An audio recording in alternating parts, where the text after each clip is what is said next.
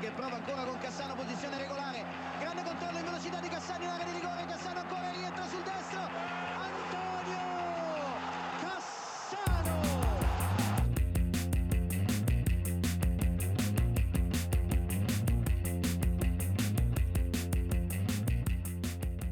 Já, komið sæl og verið velkomin í Puntur og Basta, þar sem að þið fáið ykkar vikulega skamta af umræðum ítalska boltan. Við erum hér þrýr Þorgir Átni og Björn Már og það eru tvær fyrstumföruna búnar, tvær mjög ólíkar umferðið, það er ekki spurning um það. Við fengum 34 mörg í fyrstu umferðinni allskins dramatík og sýstuna sjö öll með sigra. En í þessar umferð var það aðeins hægari markaskoruninn og, og hérna, liðin voru í allskins vesinni að finna netmörskuna. Björn, erst þú velkomin? Já, takk fyrir það. Og Átni? Já, takk fyrir það. velkomin Herri Átni, þetta var fyrðuleg umferð og kannski bara svona sannast að segja dapurt hjá mörgum liðum Já, sérstaklega hjá kannski þessum tveimur sögufræðu liðum Juventus og Milan að hafa ekki klárað sína leiki. Og sérstaklega hjá Juventus á móti Lélugu Sampdoria liði. Já, ekkur við það að bæta? Nei, bara yfir, mikið að 0-0 leikjum uh, liðið svona eftir, eftir markasúpuna í fyrstu umferð þá kannski eðlilegt að lið hafi svona endur skipulagt aðeins varnarleikin og mætt aðeins svona varnarsinari til leiks. Já, þannig að þetta, já, allt og margir 0-0 leikir þetta skiti já, en herri, kvennaboltinn, hann er líka farin á stað eða sko meistardeldin hjá Juventus og þar var Sara Björk með tvær stóðsendingar og það kannski líka verðt að nefna hún Alexandra Jóhansdóttir, hún er gengin til þess við ítalska boltan, Fiorentina, Björn, hvernig líst þér á það sæn? bara vel, Fiorentina er svona síðustu tíu árin svona lið sem hefur verið alltaf með með hérna eh, lið í toppbaróttu rendur hendur í basli í fyrra í, í, lendi, dróðust nýr í fallbaróttuna en hérna eh, sem hefur verið hræðilegt í, í, í ári er deildin verður deildin sem sagt aðdurumanadild í fyrsta skipti þannig að það var um að gera að halda þessu uppi og, og þær eru búin að spýta vel í lófuna búin að, sæt, búin að sækja mjög marga leikmenn. Þannig að það er alltaf að þessi stóra hluti og bara vonandi að hún fá að spila þar. Og einmitt flott líka að Sara Björk fór vel að stað með Juventus. Þær eru komin áfram í sagt, umspilinu um að, um að komast í riðleikefnuna í mistarleitinni og, hérna, og hitt ítalska liðið Róma er líka komið áfram. Þannig að það er bara vonandi að þau komist bæði í riðleikefna Kannski svona eh, með liðin í kvennaboltanum, hvaða lið heldur að taki titilin á Ítalíu? Ég hef Juventus er búin að taka titilin hvað síðustu 4-5 ár og, og eru líklegast áfram en þær voru að missa, voru að selja leikmann til Arsenal, þannig að Lína Hurtig sem er, sem er uh, bara líkilmaður í, í liðinu og sænska landsliðinu, ég skil ekki alveg það og hérna það er eftir að styrkja sig held ég eitthvað, annars held ég að það svona renn upp sá tími líka að Róma fer að einhvern veginn ná þeim, þær eru búin að styrkja sig mikið mjög virkar á, á leikmannamarkaðunum og sækja svona, svona uh, Heldur betur, við kannski reynum eitthvað aðeins að fylgjast með kvennaboltanum í vetur. Já, Stað- við erum náttúrulega með fullt af stelpum í, í deildinni þannig að þetta verður bara gaman að sjá þetta eftir að þetta breytist í þessu aðdurum mann deild loksins og þá kannski fara hinn liðin kringum Juventus að rífa sig í gang svolítið af því að Juventus er búið að vinna þetta nú, já, hvað fjóru, fimm eða sexinum jáfnvel í síðust skiptum, þannig að ég ég held að þetta geti bara verið hörku deild og það er gaman að sjá alla Íslandingarna í mismöndi liðum þannig að það sé hægt að sjá Já, öllum toppliðunum, Já, íslenska eh, slægi sko. Já. og sérstaklega að vera það gaman vantar bara einn leikmann í, einn í Róma, Já. það er eða, hérna, eina liði núna sko, eina toppliði einmitt, það verður líka bara gaman að sjá Juventus Fiorentina. Það er náttúrulega blóðheitur eh, eh, slagur á milli þessara liða. Það verður gaman að sjá íslensku miðminn að berjast þar. Það verður- það verður mjög fórunlegt En ef við kannski bara gera eins og við gerðum síðast og glugga eins í gasettuna og, og þar er dálkur í dálk um meðslavandara í Róma og eins og einhverjir hlustendur kannski vita þá meittist hann á æfingu um helgina fyrir leikinn gegn Cremonese. Já, Gini. Gini. Uh, hann verður frá í 34 mánuði að minnstakosti og bræti, svo kannski bætist grátt ofan á svart þegar Sanjólo meittist á auksli í gerkvöldi og það lít út fyrir að hann hafi dotti úr axlalið Björn, þetta er kannski svona það sem við óttumist með Róma að meðsli myndu kikkin Já, það tók nú kannski gemri tíma heldur um að bjóst við. Eh, þeir auðvitað hafa verið þekkti fyrir það síðustu ára að vera að lendi í þessum eh, crossbandaslitum og nú er búið að laga það en, en Gini var landum hann að sköplungsbrotnaði skilst mér á æfingu og, og já, fer úr, fer úr axlalið Sanjólo sagði reyndar á, á Instagram núna bara eftir leik að þetta eru líklegast um þrjár vikur. En hérna bara leiðilegt eh, og Mourinho adressaði þetta líka í, í viðtali eftir leik og sagði að þetta breytir einhver það, það er ákveðið plan í gangi varandi innkaup og þeir eru ekkit, greinlega ekkit búnir á markanum þannig að eh, ég gíska á að það verði þá Belotti sem verði kláraður sem fyrst sem að muni þá svona, geta fyllt upp í skarðið svolítið hjá Sanjólo kannski öðruvísi leikmaður en, en sóknar leikmaður en svo munið þá eru þurfa að taka inn allan einn miðjumann eða jafnvel, tvo í viðbót. Og hérna og þá er kannski leikmaður sem við höfum áður rætt sem var áður svona orðaðir við á. Davide Fratesi frá Sassolo er kannski svona auðvöldasti kosturinn að kippa inn. Það er, það er hann eða þessi Florian Grillitz sem að hafa verið svona orðaðir við á eftir, eftir þessi meðsli hjá Vænaldum því að Mourinho vill meiri britt og ég minna að það er strákur hann á bekknum hjá Róma sem heitir Eduardo Bove sem að einhverjir eru mjög spenntir fyrir en þetta eru svona einmitt helstu nöfni eins og hún nefnir ásamt kannski Saka- Sasa Lukic hjá, hjá Torino. En átni heldur að þetta muni hafa mikil áhrif á, á Rómalið þessi tvö meðsl Já, ég held það nú í svona til langstíma allavega með Vinjaldum að hafa ekki breyttina upp um, á miðjunni með hann uh, ef að Sann Jólu er frá í þrjár vikur þá ætti það nú ekki að hafa kannski mikil áhrif. Um, en það er annar maður sem á öruglega eftir að meðast á þessu tímbili það er Dybala, hann er ekki komin á listan allavega núna Nei, við sáum einmitt það sem Mourinho gerði í kvöld. Hann tók bæði Spinazzola og Dybala út af þegar liðið var með svona tæpa fórustu þannig að það er greinlegt að hann vil ekki meiri meðsli nei, nei. En Björn, heldur það svona kannski þess að loka þessu Rómapunkti sérðu fyrir þér að Róma spili þá kannski með tvo framherja með Balotti og Abraham þeir hafa nú verið að spila bara með einn framherja bara í mörg mörg ár. Já, ég held að muni jafnvel sjá það Dybala fyrir aftan þá tvo framherja þeir gerðu það aðeins í, svolítið, hérna á síðast tíðanbili þá voru hann með Pellegrini og svo rauninu með svona Tammy og Sanjólu svolítið bara eins og tvo framherja. Þannig að hérna, ekki getur leist á þannig eða svo náttúrulega kom uh, leikmaður sem gleymist alltaf Stefan El Sharavi kom hann inn á og hann er alveg mikið æði. Hérna, góðu leikmaður að hafa í hóp nákvæmlega þegar maður lendir í svona situation eins og þau lendi í núna. Þannig að veist, þeir eru alveg með einhverja leikmenn og, og saman með þetta unga, unga gæðan Salevski hérna hann er sprækur, síndi það líka að koma inn á í dag og var að taka menn á og kloppa menn og, og hérna, þannig að það er eh, þeir eru með einhverja breytt, en Mourinho var mjög skýr í vitalið eftir leika, hann, hann vildi hann vil meiri breytt, þeir, hann er að setja press á, á liðið að, einhvern veginn laga þetta, þessi meðsla vandræði. Og svo fullir í gasetan að Daniel Di Rossi verið næsti stjóri Benevento, það er kannski svona litlu við það að bæta en skemmtilegt samt sem áraðni Já, fyrir ykkur Róma menn, eðlilega. Já, En jú, jú, alltaf gaman að sjá gamla hjálka taka við svona eh, liðum neðri hluta ítölsku deildarkeppnarinnar. Það er svona, ég held að það veri bara það að sjá hvernig hann er. Hann er náttúrulega mikill liðtói og ég held að þetta getur bara verið lukkuskrif fyrir Benevento og jafnvel hann líka. Já, einmitt Hann var auðvitað hlutað líka af þérna þjálfarateiminu hjá þegar Ítalija var örmestari í fyrra var tekin inn í það hérna hjá, hjá Mancini. Já, partur á fríðu förniti þar. Já, einmi, já, í gó- góðum hópi þar. En hérna, svo er þetta bara sér B núna bara orðin einhver svona nýlenda fyrir e, þjálfara sem að gamla heimsmystara þarna frá 2006 liðinu, það voru þetta Pippo Inzaghi, hann ekki það er Fabio Grosso, ef hann verður ekki reikinbræðum og, og það eru, og fleiri. Þannig að hérna, en þetta er auðvitað líka ítalska leið en að, að það breytir einhverju eða þú ert hérna, þóttu hafa verið stórt nafn í, sem leikmaður, þá þarf þetta að byrja botninum sem þjálfari og það er kannski svona það sem aðgreinir ítalska boltan frá, frá öðrum dildum þar sem menn einhvern veginn fá þjálfara ekki bara á nafni. Hann, De Rossi þarf að, þarf að sanna sig í og, en hann, ég ára að trúa hann sem þjálfari, hann er mikill leittói og, og, og þetta verðist vera það sem hann vil gera Nú, hvað Juventus var þar, þá förðuðu menn sig kannski svolítið á því að Adrian Rabiot sem var lengi á leiðin til United væri komin síðan í byrjunli hjá Juventus átni. Margir stunismenn, þeir hoppuðu hæsina þeir sáu að Rabiot var að fara og svo núna kannski annað svona tvist í þessu máli er að Sakaria er orðaður í burt frá leiðinu, leikmaður sem þeir sóttust eftir í januar. Þetta er svolítið svona þetta miðju þetta miðjuvesen hjá Juventus, þetta það verður að verður svona sögulínan kannski á þessu tímili.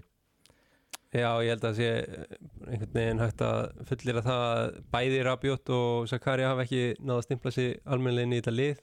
Rabiot hefur náttúrulega bara verið bara mjög lélugur á með hversu mikið þið verið að borgunum fyrir að spila fótballta og einmitt það voru flestir stuðnismenn Juventus sem að fögnuðu því að United væri búið að senda eitthvað förunni til Torino til þess að sækja hann á mömmu hans þannig úr borginni.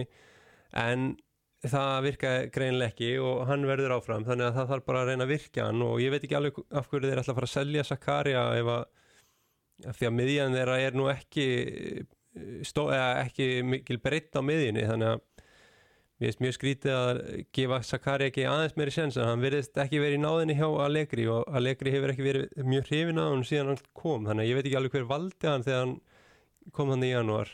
Nei og nú svona á markasíðunum ef við kannski rennum einnig rætti í genum það það sem að nógu líka að gerast þá er Samúlum Títi, hann er orðaðið við Lecce þeir voru nú að sækja sér miðjumvörð í dag sem var hjá Wolfsburg þannig að það er svona áhugavert sæn Já, alveg ótrúlegt að sjá einhvern veginn að um Titi, þessi fyrrum heimsmeistari sé komin, eða, já, fyrrum heimsmeistari komin til Let's, eða er að koma til Lecce frá Barcelona og þeir þurfu ekki að borga eina krónu mm -hmm.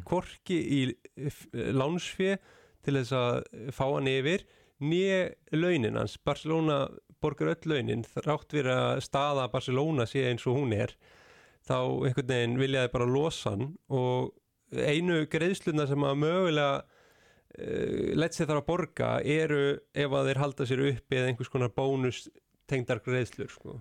Og það, það er líka meira hérna hjá Letsi, þeir eru þetta fengi á láni fyrir tímafæli vinstri bakverð hérna frá, frá Juventus, hérna frá Botta sem á nú einhverja leiki fyrir Juventus sem við örgulega séð eitthvað spila átni en hann, þeir vilja bara bara losa hann aftur. Hann er svo óanægð með hann þjálfærin að þeir voru einhverju fundið dag og þeir vilja bara losa hann, hann er búin að vera hann einhverja, einhverja þrjáfjóra vikur og, og svo hinn bakverðin sem spilaði leikin um helgina, kom minna það eftir hann var, hann var hræðilegur, þannig ég veit ekki hversu lélur þessi, hversu, hversu hérna Já, hversu, hversu mikið þjálfærin hatar hann frá botta fyrst að hann fær ekki að spila? Nei, ég held að sé líka kannski bara að Juventus hafi viljað kalla hann tilbaka til þess að hann færi lið þar sem hann myndi spila. Ég er ekki alveg viss hvort að sé uh, lett sé ákverðin eða Juventus ákverðin af því að ég, þegar frá Ok, botta er lánaður út þá vilja náttúrulega að Juventus hann sé að þróa sinn leik. Þannig að ég held að sé að kalla hann tilbaka til þess að fara mögulega í B-dildina eða þá annar lið í uh, A-dild Ok, já, það mega meiri sens En svona þess að stærsta, stærsta plássið á markasíðunum hefur nú kannski Atalanta sem að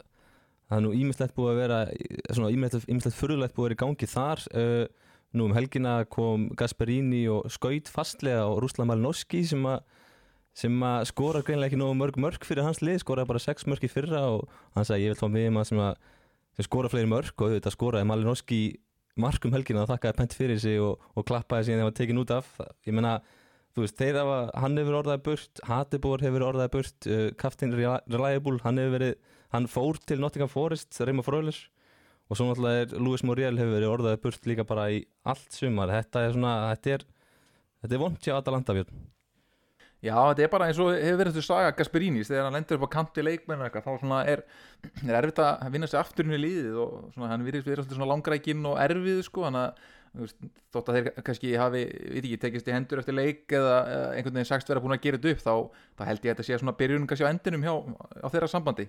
Já, Þannig að, veist, já, og, og bara þetta Atlanta Project, ég, ég sé ekki alveg hvað hva planið er hjá þeim ef ég, ef ég bara horfa á þetta útífrá áttu fína leik um helgina svo sem og, allt þannig en þetta er ekkit, ég, ég sé ekki alveg hvað planið er og þessi innkaupin hjá þeim og, og innkaupastefnan og fleira, ég, ég, ég átta mig ekki alveg á þessu. Nei, nei Nei, mitt, þetta er svona mjög förulegt allt saman. En kannski bara fyrst við erum að tala um Atalanta að þá kannski best bara að vinda okkur að staði í leikina og byrjum bara í Bergum og það sem stórleikur umferðinar fór fram. Atalanta og nágrannir í Asi Milan. Nú helstu tíðindin fyrir leik voru kannski þau að Sandro Tonali ákomin aftur í, á meðsvæði hjá Milan og það þurfti kannski ekki mikið að fyrra upp í honum það sem hann er náttúrulega uppalinn hjá Brescia. En hérna það er náttúrulega mikill, mikill rígur Uh, Hinum einn var engin Ítali í byrjunlegin hjá Atalanta þó Rafael Toloi reyndar byrjaði leikin sem er með Ítals ríkisvang og kannski ekkert nýtt samt að sé engin Ítali í því sem fjölþjóða grönt hjá Gasperini. En bæliðin höfðu höf mitt unnið góða sigra í fyrstu umferð en það var Malnoski títnendur sem að kom Ladea á bræðið þá var hann að Ismail Benazer jafnaði með, með frábæri marki og þar við satt mér varst bara svona bæði liðin kannski skapa sér lítið í þessum leikotni og, og svona kannski leikur sem lofaði meiru? Já, alveg klárlega einhvern veginn fyrir þessa helgi þá var þetta leikunin sem að fólk átti að horfa á og svona og jújú, jú, tvö mörg og jafntefnis leikur en kannski ekki, ekki fullu ugeldasýning einhvern veginn. Nei, nei, mér varst eitthvað svona markaskorari Mílan í þessum leik benna sér vera besti maður Mílanleysins spjöld, þetta var svona bræðtöft í báðum liðum. Já, þetta var það. Og hérna, þetta var svolítið sama. Þeir voru með Junior Messi að satna hærikantunum Asi Milan og veist, hann er nógu góður um eitt gegn út í nesi en í svona toppslag þá held ég að kannski að hann myndi rótira aðeins meira er hann að koma hinnum sóknarmörunum sína meira inn í leikin en hérna, já svolítið bara döft bæði líka svolítið máttu ekki tapa þessum leik og það er oft þannig þegar hvorullið má tapa leik að þá, þá endar, endar leikið jafntöfli og hérna, en Benazer var frábær og, og markið hans líka, þú veist, þetta er bara þetta er ótrúlega velgert, það verist vera svona pínu af æfingasvæðinu, þú veist, þeir vita hann er hérna einn á einn á móti uh, Kópmænis og er svona lítill og snöggur og hann gæti einhvern veginn búið sér til skot hérna í tegnum alveg óverjandi skot. Þetta var svona handbólta að finta svolítið. Bara aukslinn niður til vinstri og í hotni Já, bara, já, þetta var nákvæmlega þannig. Hotspilna lögðu upp einhvern veginn einn og einn staða og svo bara vann hann hann og smeltar með fyrir, það er gríðarlega vel gert og, hérna, og hann var mjög sprækur í svo leik og hérna, bjartasta, bjartasta leikmaður leikmaður Asi Milan fannst mér í, í þessum leik. Og Tonali líka á miðunni svo, Fylgir eftir góðri framistuðu með bara úr síðustu umferð á móti út í nesi það sem var mjög góður á miðunni þannig að og, og hefur verið orðað en er burtur þetta líka svo, ég, það var, ég, það var kannski bara einhver slúður einhver, hvort það var párið slúðupakkin eða hvað var sko, en það var orðaður hérna við, við svo, og ég skilða alveg vel því, ég meina, þetta er eh, frábær leikmaður, með svona lága þingdapunkt og, og ég meina, þetta er maður sem hefur verið valinn sko, besti leikmaður að þetta er, þetta er alveg þetta er leikmaður sem hefur performað líka á stóra sviðinu já, þetta er alvöru, þetta er spilari eins og færingar myndu segja, þetta er alvöru leikari. Já. heldur betur. Og kannski bara einmitt hann ætti skilið stærra múf einn daginn. En það var svona atveki í svona leik sem að hérna, blöðin skrifuð mikið um eh, eftir hann, það var þetta þessi tækling Hattibúr á Rafael Leá Björn, hvað svona ég meina, hvað fannst þér um það? ég sá eiginlega flest bara svona einhver svona, svona super slow-mo hi- highlights úr þessu, að þessu broti. En þú veist, hann fer, finnst það ljótt sko, það má alveg rétt að rauðspjálta á þetta eina sem að kannski að segja til varnar er að, veist, hann, hann renni sér ekki í löppina þegar hún stendur heldur sparkar þú veist, hann er með bein, löppina út og hinn sparkar á móti eh, þannig að veist, þetta kannski lítur þess þegna aðeins verra út en, en ég, mér, ég held þetta er í rauðspjald og ég, hérna, finnst rauðspjald alveg hefur verið eðlugur dómur á þetta brot. Einmitt, annað til að taka frá þessum leik var að stemmingin hjá, súr, hérna, stemmingin hjá Atalanta, hún var bara einhvern veginn hansi súr allan leikin, ég meina menn voru ekkert að brosa að vanta einhvern veginn alla leikliðana hjá mönnum og, og þú veist, það var bara já, það var svona Já, Komið svolítið verið orðið langu vetur fyrir Atalanta held ég sko á meðu hvernig þeir byrja og bara hvernig leikmannahópurinn er. Ef að menn Já. er að fara seint í glugganum og þá eru erfitt að finna replacement fyrir þá. Þannig að ég held að þetta gæti orðið mjög langur vetur fyrir Atalanta ef, og ef þeir dreyma um einhverja almennlega framistöðu í í serju A og reyna að koma sér í Evropakefni ég held að það veri bara mjög erfitt á meðu hvernig liðin í kringum þau eru að spila. Það var náttúrulega svolítið forskot, er ekki kemni en bara er erfitt að gýra þessu upp í að Európa-baróttu vi- vitandi að þú ert með jafnvel lagara liði enn í fyrra þegar öll liðin í kringu þeir eru búin að styrkja sig einhvern veginn það er svona, já þetta getur orðið andlegt svolítið erfitt fyrir þá en hérna en kannski er eftir að gera eitthvað í klukkanum þeir, eiga nú, þeir eru naskir á að finna leikmenn líka já, mjög, mjög, veistu eitthvað hver staðan er á Jósi Billisits? Nei, ég held að hann sé bara uh, hérna, hafið séð, hérna æfingar með liðinu. Er hann bara í göngutúrunum sínum í, í, í slóvensku uh, skóunum? Ég held að hann sé bara einn með sjálfum sér. Já, hann hefur náttúrulega verið að draga sinn djöful sko. Já, það sé bara núna aftur, runni, hálf, hálf hættur aftur, sko, eða þeir sé ekkert að rekna með honum. Hann sé hérna bara, eins og ég, hann hefur áður glýmti eitthvað þunglindi og, og fleira ég hann um ég, og ég heldur ég ekkert vona á honum aftur. Já, þetta er bara ömurlegt einhvern veginn að svona góðu leikmaður leggist í, í þunglindi sko. það Já. er bara alveg skelfilegt og bara náttúrulega mjög slæmt fyrir Atalanta að missa þennan þennan hávaksna miðjumann eða já, sóknar sinnaða miðjumann. Já, þetta er bara skemmtilegast leikum að deildar hann að horfa á þegar hann er, þegar hann er á daginn sinn, sko, það er bara ekkert flóknar að það. Einn af þeim, ekki, ekki ein- einasta spurning en, en svona þessi leikur kannski svolítið í takt við umferðin eins og erum komið inn á en, og, hérna, og svona nokkuð dabur, dabur, dabur leikur. En sjöleika sigur hérna reyna Asimilan, hún er á enda með þessu jafntöfli Já, kannski fyrir þá bara í næsta leik og hérna ræðum svona heitasta lið deildarinnar, Napoli. Þeir eru aldrei flóið á stað inn í tímabili átni Já, eiginlega ótrúið við, við spáðum kannski ekki það góðu gengi hérna fyrir þarna, tímbilið uh, en þeir hafa einhvern veginn bara slegið í gegn í fyrstu tveimur leikjunum. Já, hafa bara verið mjög, virkilega skemmtilegir að horfa á e, mikið flæði í sóknarmönnum miðjumennir hafa verið að skapa fullt af færum. Þannig að ég held að við meðum ekkert sofa á Napoli í vetur sko. Nei, nei, nei, nei, rjúkandi heit byrjun Þetta eru nýju mörk í tveimur leikjum. Á móti Monsa og Verona og markaskorun í, í hérna síðasta leik voru hinn kóruski Kim sem skoraði laglegt skallamark Viktor Osimenn skoraði frábært mark og svo náttúrulega er það bara nýjasta ást Napoli borgar. Björn, hva, hvara? Já, þetta er, er rosalegt sko. Og hérna menn er að tala um að þeir eru bara jafnvel búin að fara að sko skýra Vesuvius bara eftir, eftir Kvaradonna sko. Þeir, og þeir eru það hátt upp í Napoli menn. Hérna, já bara ótrúlegu leikmaður og hérna, veist við vorum svolítið bæði grínu og ekki að, að, að, að tala um hann eh, hversu góður hann raunverulega er og hann er bara einhvern veginn alltaf þrjú mörg og, þrjú mörg og eitt assist, tvö assist Þannig. já, og, og sko mörgin hann skorar úr skalla með vinstri og með hægri þannig að hann er alveg fjölhægur þetta bara. er ekki bara þetta er ekki Arjen Robben bara og þetta eru utan, skot fyrir utan teig og þetta, er, þetta, er, þetta, eru, þetta eru svakalega mörg sko. þarna setna markið í þarna gæri eða fyrir dag var bara virkilega virkilega vel klára, fór fram hjá mannum og einhvern veginn sett hann bara með vinstri Já, og fyrra markið var náttúrulega bara já, frábært. fyrir markið var náttúrulega bara Já, grullar hann hann í fjæðir ótrúlegt, sko. Það er nýstjarnafætt, það er klart mál.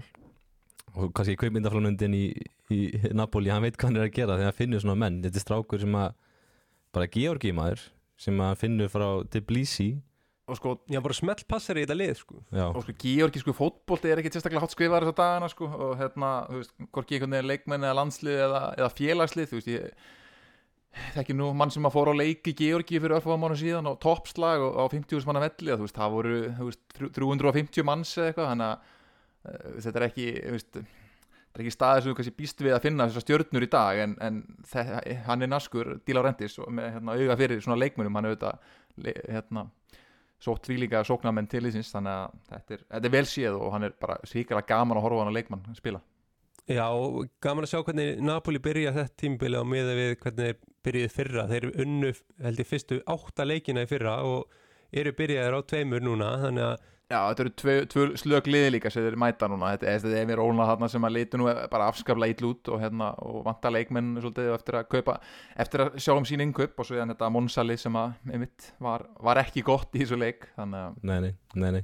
Það var svolítið áhvert að sjá með þá hvort að þeir reykja stjóra sinn og er nú eitthvað að tala um það að De Serbi geti kannski fljótlega komið þarna um dyrnar og kannski þá, þá batnar þetta eitthvað hjá, hjá liðin í mótarólabúningnum sko. Það er ekkit ólíklegt ef að þeir fari ekki að halin stegum að hann verið látið fara fljótlega sko. Já, já, það er pressið við stúku. En ég, ég held að það er lítið kannski líka til Gattuso, hann, það er svona gæði sem að getur kveikt vel upp í þessu ef Já, hann er losnar. laus, eða ekki? Nei, hann er á, hann er á Valencia. Já, Já. hann er farin til Lancia, það er rétt Það er það er að- Það er bara allt í læg á staðhældi sko, þannig að það er hann að Já, ok, þannig að það er ólíklegt að hann sé að losna. Maður veit nú aldrei. Það er svona Það er típa sem að, það er þessi típa sem að maður mynd- myndi vilja sjá í þessu liði sko, einhvern veginn að berja liðið áfram. Klálega Klálega sko. En ég meina, er þetta ekki, þú veist Til að, loka, til þess að loka þessum leik Ég meina, er þetta ekki bara Svolítið svona gott rýpilt hjá Napoli-liðinu? Þú veist, Endo Beli var á bekknum Raspadori á bekknum Simeone Þeir gengur allar um dyrnar hjá Napoli á síðustu viku Og, og kom ekki til sögu þessum leik Það þurfti bara eitthvað ekki. Þú veist, við vorum að tala um að hvað þeir mistu mikið í fyrra Þetta er bara þótt að maður sé kannski svona Svolítið að fangilsa sig í mómentinu Þá hérna finnst maður þetta eitthvað bara svona mjög, mjög spennandi hjá Napoli. Já, bara konum með yngra lið og, og væntanlega, eins og sjálfur með að tölunum fyrir fram að mig, væntanlega með ódýrara lið líka í hinna launapakka og öðru. Þannig að hérna, ég ætla að mig alveg sjá það. Ég meina, það er stöðuleikin hjá Díla Röndis hjá þessu Napoli-liði hefur verið alveg ótrúlega þeir eru vel alltaf í Európu og oft, veist, oft að hafa verið í toppartu tvís, var að hafa tvís var eiginlega verið bara í dauðafæra að klára titilinn og það er alltaf hægt að byggja mikið meira.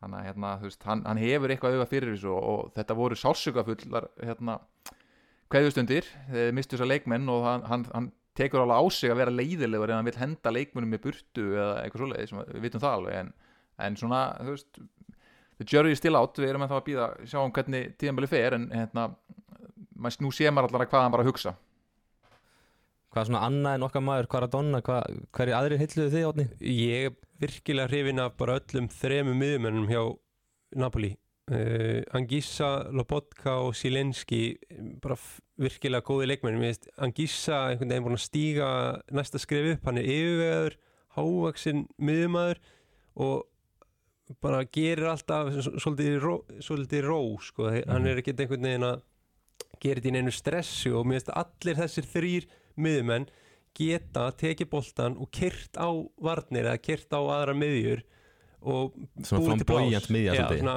svona, já, bara virkilega skapandi miðja og við sáum það náttúrulega í leiknum gegn Monsa um helgina að þeir sköpuðu öll þessi fjögumörk eða þeir eiga stóðsendingar öllum þessum fjórum mörkum. Þannig að ég held að þeir gætu orðið bara virkilega mikið leikil púsl í þessu Napoli-liði ef að þeir smellið svona vel saman eins og þeir hafa gert í þessum fyrst tveim leikjum? En þá er kannski gott að eiga líka þess að þrjá inni Björn þess að sem Já, við vorum að tala var um. spurning hvað er munu spila mitt?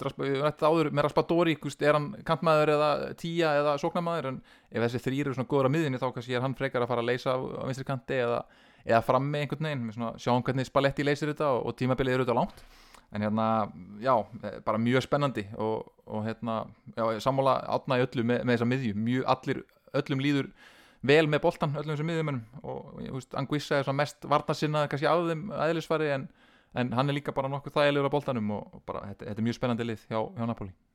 Já, og einhvern veginn enginn af þeim eitthvað svaka prófill endilega í þessari deild þannig að það gerir þetta svona einhvern veginn ekstra áhugavert sko en hérna, já, ég held að það sé engin spurning að ekkert lið heitlega mikið á Napoli á því, í þessum fyrstu tveimur leikjum allavega þannig að hérna, þetta verður fórhald að sjá hvað þeir, hvað þeir gera. Kannski höldum áfram og förum í annan af leikjum gerdagsins þar sem að Róma tók á móti Cremonese. Og stútfullur Olimpíkóvöllurinn hann beði mikil eftirvendingu eftir fyrsta heimaleiknum hjá Paulo Dybala. Leikur sem var síðan kannski í skugga meðsla eins helsta svona einn óhefnasta fótbolltaleikmanns bara í heimi Nicolo Saniolo en þetta var annar leikurinn í rauð sem að Róma fekk hellingafærum til að skora og, og úslitin samt sem aður 1-0 við erum búin að tala um nógu meðsla vandamál, vandamál Róma, hvað sástu svona frá Róma liðin í þessum leik og hvernig finnst þið svona að Dybala vera komin í lið? Eh, bara eins og í síðasta leik þú veist, þú, eh, sköpuðu mikið þeir byrjuðu á fullum krafti í þessu leik og maður hefði getið verið komnir yfir eftir, eftir þrjár myndur og hérna voru bara, eftir fyrstu 20 myndunum voru þeir einhvern veginn alveg yfir spilað og, og hérna eru auðvitað með XG í leiknum upp á þrjá og, og í síðasta leik voru við líka með XG upp á þrjá en þeir eru með XG upp á um það vel 6 í tveimur leikjum en skora samt bara tvö mörg og ná ekki að klára leikin en svo er samt bara þessi segla þessi Mourinho 1-0 sigrar uh, sem að er að vinnast og ég held að eftir að Mourinho kom til Róma þá hefur ekkert liðunni fleiri 1-0 sigra heldur en Róma sem er unni held ég 8 1-0 sigra uh, og þetta er bara orðið einhvern veginn álgett svolítið treytmark en eh, það sem hefur breyst frá því áður en Mourinho kom er að núna líðum manni vel þótt að Róma sé í 1-0 á því að maður einhvern veginn þú veist, ef þeir droppa tilbaka þá þeim líður vel þeir eru svona að, að, hérna, að líða í gegnum leiki söffara í gegnum leiki. Já, þetta er svolítið svona, þetta er kannski svolítið svona eins og íslenska landsliði var, svona, þú veist, þú, þeir skoruðu markið og svo gáttu þeim eitthvað bara setið og svona, bara öllum varnamununum leið bara eins og segir, bara, bara vel með það að hitliði, þótti hitliði var að sækja, ég veit kannski að mótbyttið var kannski ekki sérstaklega mikið þarna. Cremonese á móti Róma og hvað, það var undan salinni Tana. Þannig að við ættum kannski, við erum aðeins að fara fram úr okkur en, en, hérna, en samt sem aðeins bara svona, svona solid, solid performance allavega á þessum, svona, á þeim helmikið vallarinn sko. Já, varnalínan bara óknar sterk og bara stanga allt frá og, og ekkert stress sko og hérna, eins og ég, Róma á að skora fleiri mörg veist, Cremonese áttu nokkuð skot mest langskot en þeir voru alveg hættuleg áttu, hittu allan að stöngina hérna einu sinni og slánuna, ég man ekki hvort það var búið að flauta hérna í eitt skipti en, en þú veist, voru allt í lægi en hérna, og náðu svona að setja kannski svolítið mikla pressu á, á Róma-liðið íttur íttu liðinu svolítið aftalega en, en, en þetta var aftur bara 1-0 og, og manni leið alltaf freka vel allan leikin ef þeir ná að halda þessari stemmingu áfram þá eru bara geðvegt að vera og horfa á, á Róma og, og taka þátt í þessu. Mér finnst einhvern veginn virkilega skemmtilegt að sjá hann leik bara út af áhörnundunum sko. Já, akkurat. Og bara vonandi slærið ekki Rómin niður þessi meðsli sem við höfum talað um. Og ég menna, hvað finnst þér nú, er nú er stór leikur í næstu umferðum út í Juventus, hvað heldur þú svona Björn heldur að, að því maður sá kannski svona á tímapunkti svona, ef maður horfur í stemmingu þá sá maður svolítið svona stemmingin hún svona dafnaði aðeins sérstaklega eftir meðslinn og, og þá bara Stefán Elsi Rafi var komin inn á völlin og, og þú veist bæði einn þeirra helsta stjarnar og svo svona einn þeirra helsta viðbót báðir eftir tvo leiki í orðni meittir heldur þetta svona að því ég spurði átnáðan heldur þetta munni hafa mikil áhrif? Það er svona fyrir aðeins um stuðnismenn kannski þú veist, þeir, þeir mun eftir öllum síðustu 15-20 tímabilum.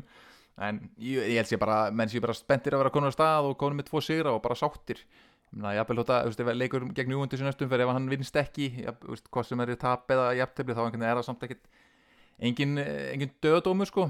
Þannig að ég held að menn séu fyrir eitthvað rólegir. Það er bara gaman að sjá það loksins gegn sterkar, sterkum anstæðingi eins og ég fyrstu tver leikinnir hafa verið svona leikir sem að það snýst bara um að koma inn marki og hérna, en að sjá það núna að mæta júendur sem liði munum að skipta svolítið á að, að eiga leikin það er bara mjög spenntur að sjá hvernig, hvernig það tekst einhvern veginn, fá að sjá loksins svolítið svona reyna almennilega á þetta þetta rómalið og í rauninni kannski er það leikinni sem að henda oftast liðunum að sem voru inni og kannski jafnvel enn betur heldur en að þurfa einhvern veginn að stjórna leikjum í, í 90 myndur Hver heldur að komið þarna uh, með Dybala, heldur hann setja Pellegrini upp eða heldur hann og setja Matic inn eða heldur hann setja Elsi Ravi aftur? Ég held að hann muni hafa ég held að Matic kom inn eh, gegn, allir gegn Juventus allir, eh, mótið svona sterkum anstæðingi þá held ég að hann muni hafa Matic og Pellegrini bara framar sem að Pellegrini var eitthvað frábær í svo leik sko. mér finnst hann bara Mourinho talaði um það fyrir leik að hérna, hann væri til í að hafa hefur sagt það ofta áður að hann væri til í að hafa 11 Pellegrini inn á og mér bara ríkala gaman að horfa hann spila fótbolta og mér finnst hann alltaf vera að taka skref ár frá ári og er komið aðeins meira svona, eftir svona 2-3 ár í viðbóti ef hann heldur áfram að taka sér skref þá verður bara alltaf betri miðjumæður í heiminum held ég sko, bara ríkala ánaði með hann. Já, heldur betur. En svona aðeins um þetta hvað, bara svona stutt Björn, hvað getur þú sagt svona, ertu búin að rífast að einhverjum leikunum þar eða? Sko ég er nú ekkit uh, hrifist af með eitt voðalega af þeim. Ég sá hérna fyrir leik, fyrsta leikin hann gegn uh, þegar voru óöfnir að, að fá ekki stig hann á móti Fiorentina. Uh, en síðan í daginn þeir börðust vel, þeir eru, með, þeir eru þetta komist upp í fyrra á bjöldinni og þjálfarinn uh, hætti til að taka við Parma í serju B. Hann fór ekki upp með þeim Fabio Pecchi heldur fór niður um deild aftur þeir, þeir þetta náðu sér nýja þjálfara og svo áttu hérna hennan Alvini sem að hefur aðalega þjálfað í næri deildum. Er svona, svolítið svona Maurizio Sarri svona unnið sér upp bara úr utan deildum ég af Ítalíu og þjálfaði Perugia í fyrra í bjöldinni og og þetta, það er enginn sem býst við neinu að þessu liði og hérna þetta eru serju B leikmenn margir hverjir, þeir eru búin að hrúin síðan nokkurum sem að hafa einhverja reynslu ræðdeild en þetta er langt frá því að vera eitthvað lið sem að er að fara að halda sér uppi. Með á svona eitt leikmað sem mér fannst mjög sprækur í leiknum sem að bjargaði þeim nokkru sinnum, það er hérna annar georgíumæður einmitt, það er hann uh, uh, Locciosvili uh, vinstri bakvörður, Luka Locciosvili sem að var að ganga til liðs við á. sem lendi í samstöðunni við Sanjólu þegar ekki? Jú, einmitt, tók hann öxl í öxl var, var ekkert að, að þeirri taklingu og tók líka til bala hann alveg á bara rétt árun að var að fara að pota boltarinn við markið. Uh, kom frá Wolfsberger núna uh, maður sem ég aldrei hirt um hann, hann var mjög allavega varnarlega bjargaði alveg afturöndina á þeim, þannig að hann var hann var solid og hérna svo er þetta David Okereke hérna frammi sem var með Venezia í fyrra. Var svona sprellikall upp á topp svona getur búið til eitthvað úr engu. Uh, það mun skora eitthvað. Ég held að vera hann sem að reyndi tvær hjólitsaspinnur og var enda náttúrulega að skora þarna í, í leiknum uh, gegn Róma en hérna en það, er, það er alltaf sumt. Þannig að er ekkit margir leikmur hérna sem ég hef eitthvað margt uh, sterkar skoðun á Nei, nei, nei, nei. Það er kannski svolítið ávart með þá að þeir náttúrulega voru með fjóra menn í landslýstómi á Mancini í sumar, það eru ekkert annar leið á Ítalíu sem hafa með marga landslýsmenn þeir voru með þarna leikmenn sem að eru núna í Atalanta og Juventus. Þannig að hérna, við erum búin að dæma á niður. Já, þeir fengur náttúrulega ekki aftur fengu ekki aftur þessar fengu leikmenni enga- sem, sem voru á láni hjá mig fyrra. Nei, nákvæmlega, nákvæmlega. Og þessi, þessi Napoli leikmaður, hvað heitir hann aftur? Hann, hérna, Gaetano, já, sem að var bara, var ekki bara valin besti leikmaður, þetta er bara í serju B í fyrra. Já, emitt og, og margir spáða myndi fá tækifæri bara hjá Napoli. Já, svo var það Fagioli og, og Kóli og hérna markmannin Karin Saki á samt einhverjum fleinu sem ég er örgulega að glema en einnig í gæri var síðan hérna Juventus Sampdoria. Og það var kannski mikill tilfinningaslag fyrir þig átni Já, þetta er náttúrulega svona mín lið í kildinni, nei, ég segi svona uh, Juventus er náttúrulega bara mitt lið og, og þeir bara hitluðu ekkert í öðrum leik tímbilsins uh, fyrsti leikurinn var bara solid framista og síðan einhvern veginn dettur Di Maria út, hann meittur meittist í fyrsta leiknum aðeins. Og eh, já inn kemur Kostits á vinstri kantinn. Mm -hmm. en eins og við töluðum um í síðasta hætti þá fannst mér Juventus spila betur þegar Quadrato var komið vinstra megin og, og Di Maria hægra megin mm. uh, hann var komin aftur út hægra megin og, og það bara var sama sagan, það var ekkert að frétta hann og einhvern veginn Danilo voru ekki að ná að tengja uh, síðan er bara þessi þessi blessa miðja er náttúrulega bara sorp Já. á miðju þetta Juventus sko það er bara þannig eh, fyrra. Locatelli og McKennie þetta er bara sama miðja og var stóru hluta í fyrra og Já. Mest maður kenni fremstur á miðjunni þarna fyrir aftan Lahovic, engin stuðningu við hann? Nei, nei, nei, alls ekki. Eini svona svona, gæin sem að gat búið til eitthvað fyrir Vlahovits var náttúrulega bara Kostic. Já, uh, en hann er náttúrulega bara að koma sér inn í þetta lið. Þetta er annað leikurinn hans og, og kom þarna bara rétt fyrir fyrsta leikin þannig að já, ég held að það taki nokkra umferði til, til þess að þeir ná að smetla saman í þessu liði um, en vörninn var með fí, bara fína framistöðu Rugani stóð sér allt í lagi. Uh, Bremer var bara hörku solid.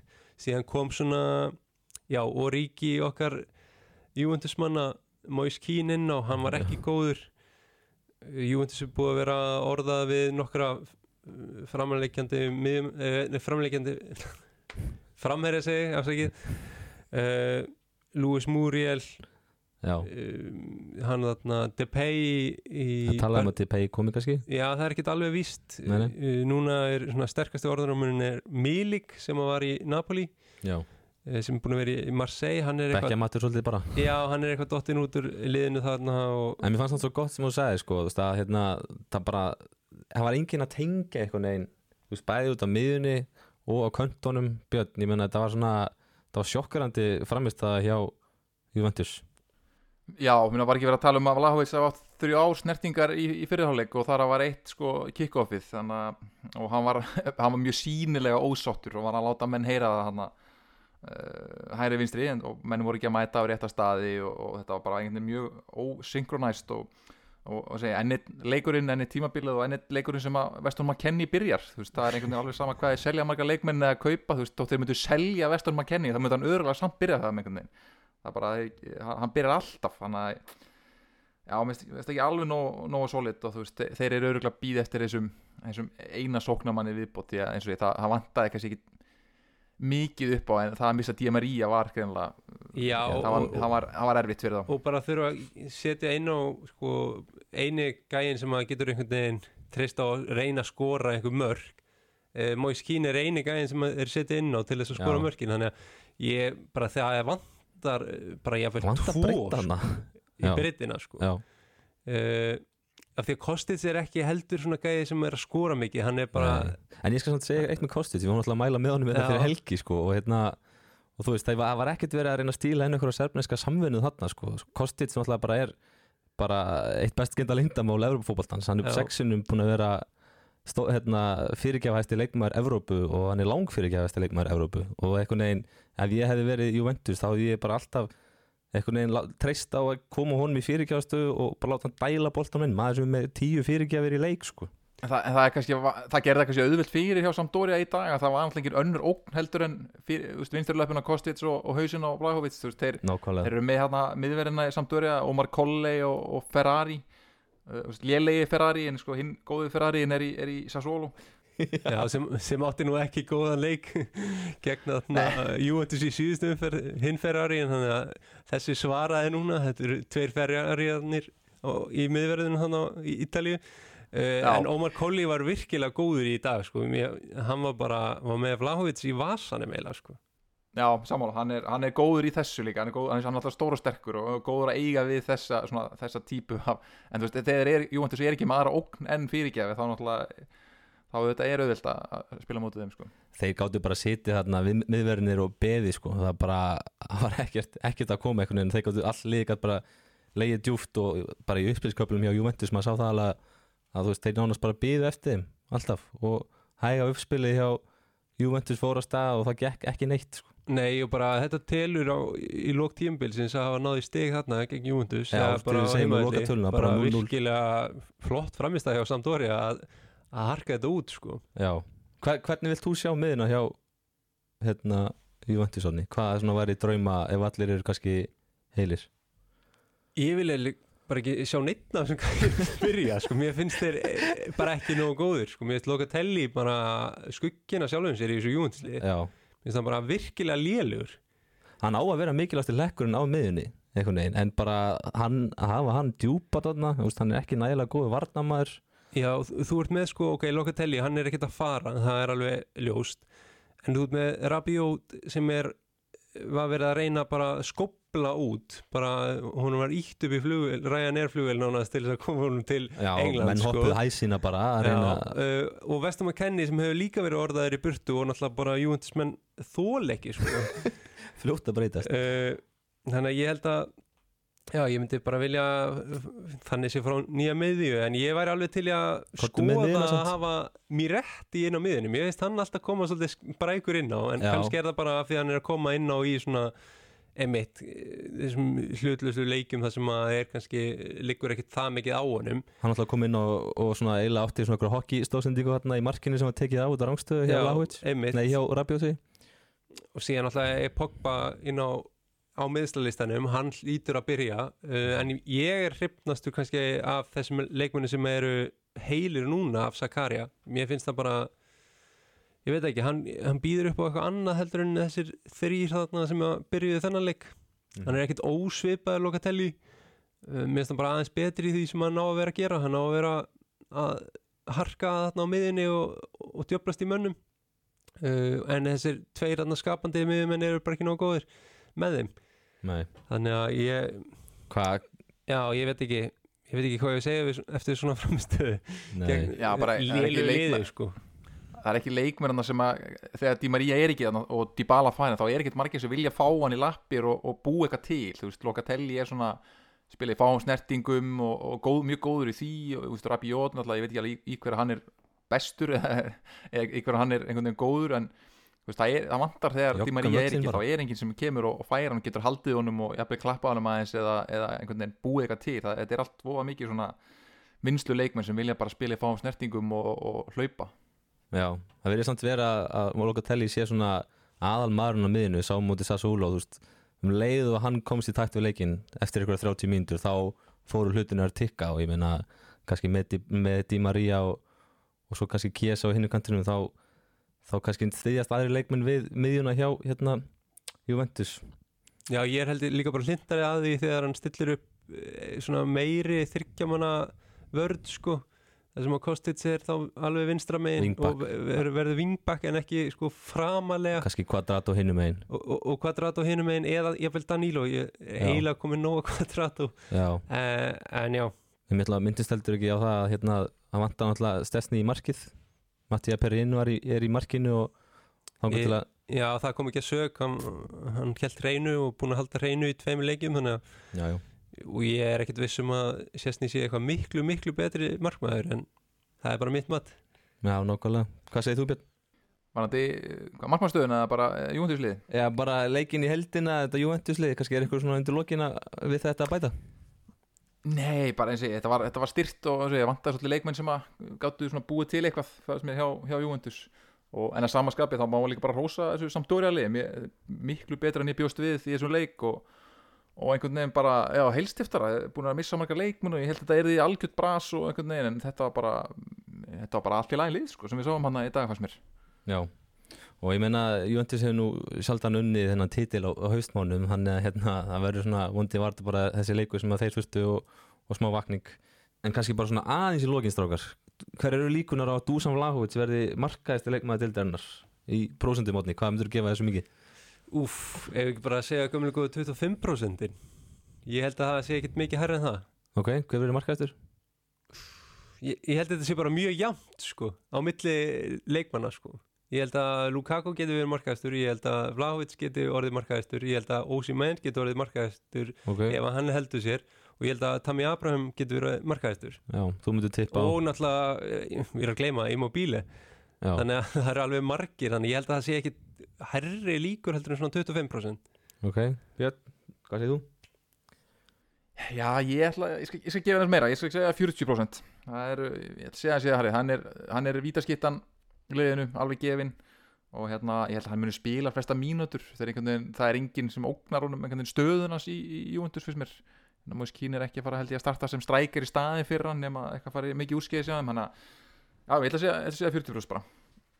Já, ég held að einhvern veginn að við séum að gleyma Immobile og hann gæti orðið markaðistur já, þannig við sjáum, Hann getur að markaðistur á þess að við sjáum eitt einasta mark með honum. Já, já, nákvæmlega En rennum þá kannski aðeins yfir aðra leiki og ég get ekki beint sagt að það hefur verið mikil markaveisla þessa helgina, heyrum að helsta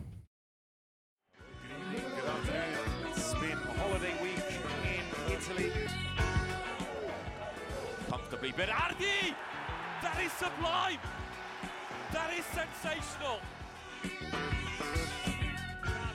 Lautaro Martinez! Luna's back!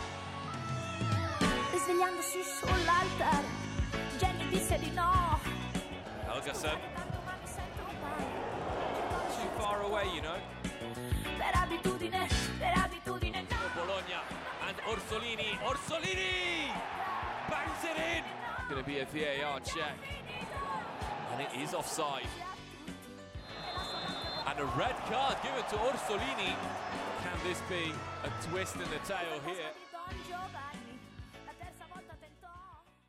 Já, 3-0-0 jafntefli. Ef við förum yfir þetta, kannski byrjum á Sassuolo Lecce, 1-0 fyrir Sassuolo og tíunda tímabili röð sem að Berardi sem er núna komin í treyjunum með 10 hann skorar, tíunda tímabili sem hann skorar í röð.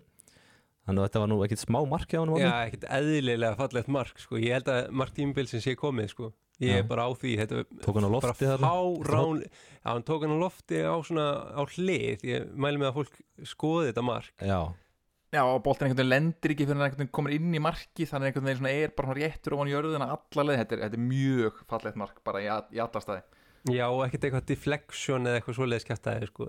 nei, nei. Bara mark tímabili sem er klárlega kandidat í það. Uh, þar kom Þór Ró- Jóhann einni inn á á 70. mínútu og átti þarna aukaspilnu uh, rétt framhjá Björn. Það var, það var gaman að sjá þótt að það hefði ekki verið í markinu Já, hann er greinlega á aukarspinnu duty þarna hjá, hjá Letsi, kom inn á og bara beint í, aukarspinnuna og hérna ótti bara fína leik sko, hann að það fengi fengi bara sexu hjá gasetunni og hérna, og bara allt í læg Það er önnu sexa Já, já, Letsi voru líka bara fínir í þessu leik fannst mér, fengi alveg færi til að skora og, og þú veist, Sassolo var, náði ekkert upp sínu fræga spili fannst mér á okkur, löngum köplum, en hérna Letsi voru bara, það var bara mjög jafnleikur og hérna, bara svona, ný, svona nýlega bræður á Letsi en á ekki að skóru færanum sínum og svo þurfaði nýjan vinstri bakur því að vinstri bakurinn hjá Letsi var, hann var hlæðilegur hann átti í vægasætti basti gegn Berardi hann Já. Hvað, Gæjó eða ekki? Eða ekki Galló, já, Galló, Galló, eða ekki eitthvað hestur eða eitthvað. Nei, Hani, Nei, hvað er það? Hanin Hani, já, Hani, já, já. já, já, já, einmitt, einmitt.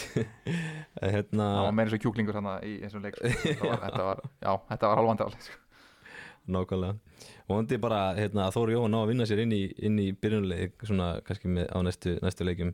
Uh, Inter Specia, það var 3-0 og, og við fengum að sjá Lautaro Martínez skora eftir stóðsendingu frá Lukaku. Vá, sko, Lor- Lautaro Martínez marki var einhvern veginn svona þróbaka í japanska teiknimynd sko, þetta var svo fokkin fast skot hjá honum.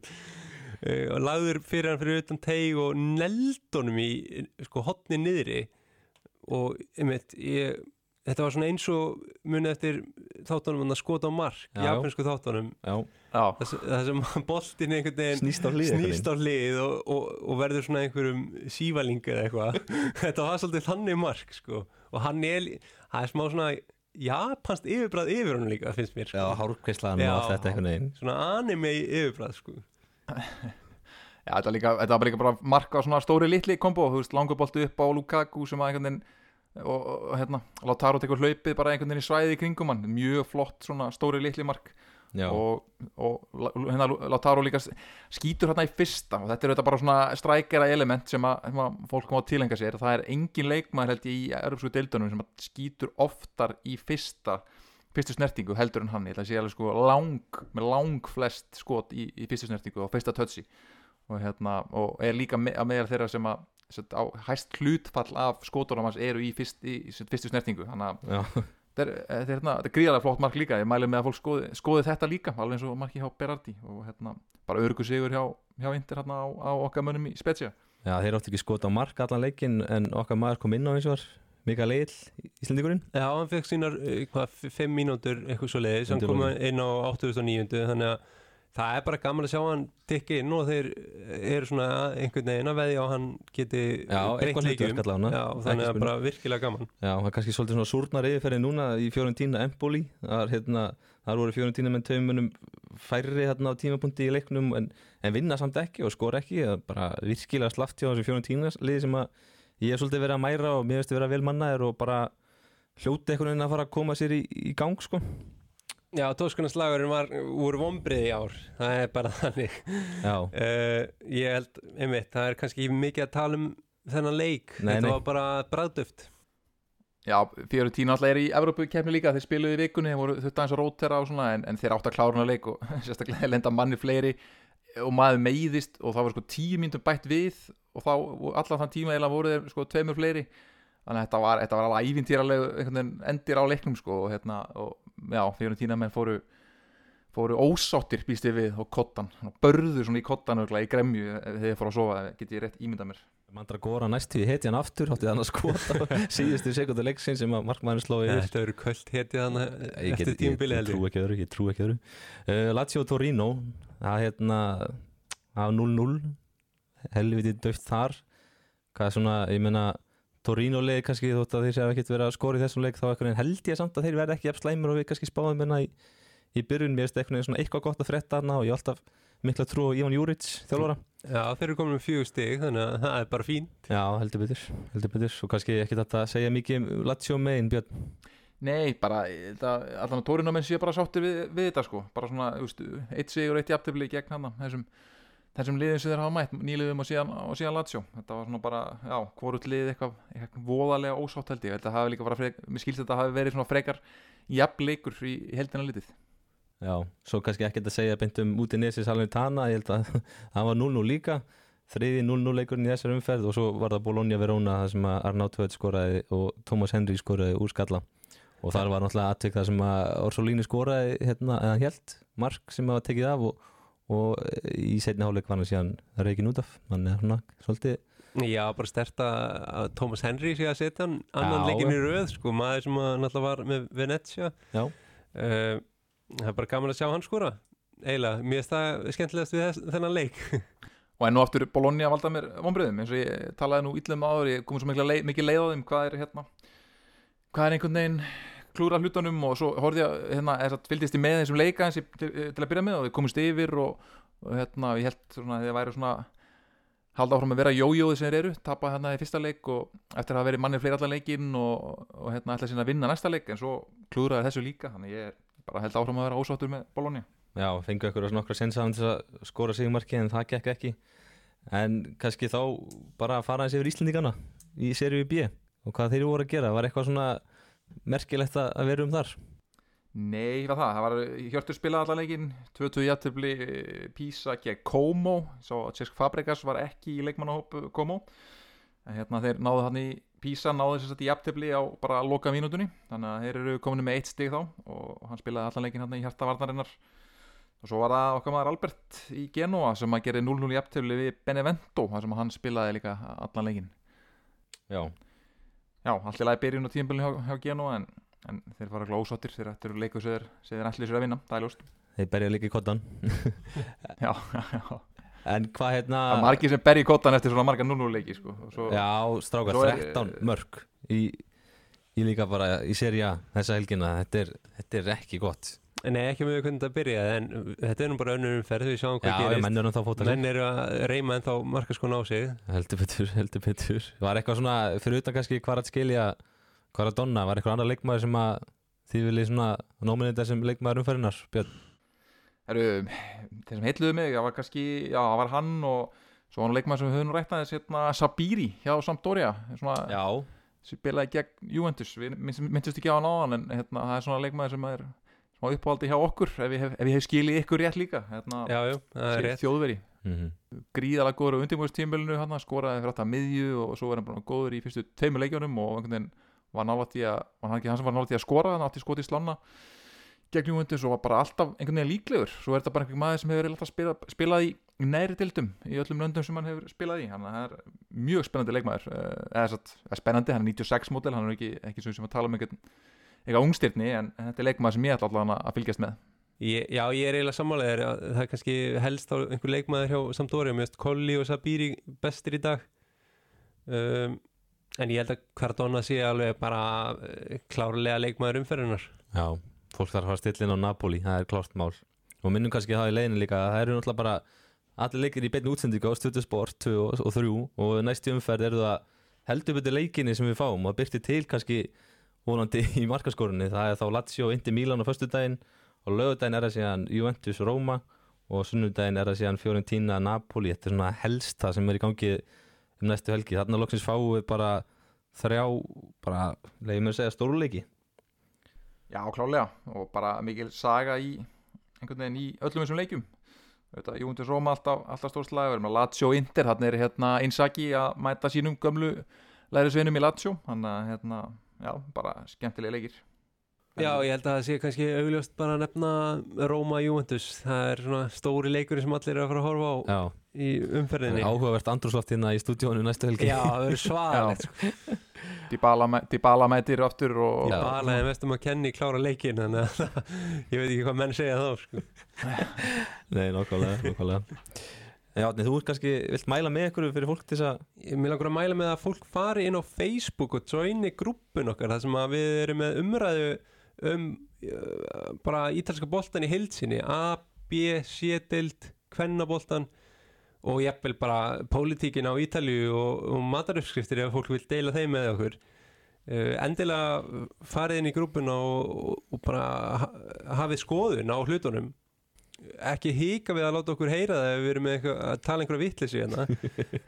Uh, og við skulum bara reyna að búa til svona góður umræður að neini hit the join button. Það er bara, það er skilabúin algjörlega. En hérna, já, þá kannski bara segjum við þetta gott í billi af ítalska og hérna, ég bara byrði ykkur og vonast eftir að þið stilli inn í næstu viku eftir vonandi ykkur að gegja það umferð og, og hérna, það sem að liðin, það sem að við fáum þessa þrjá svona stóru leiki eins og áður sagði. Bara, ég segi bara takk fyrir daginn í dagstrákars Já, takk, takk. Takk sem leiðis og bara við heyrum síðar, heyrumst í næstu viku.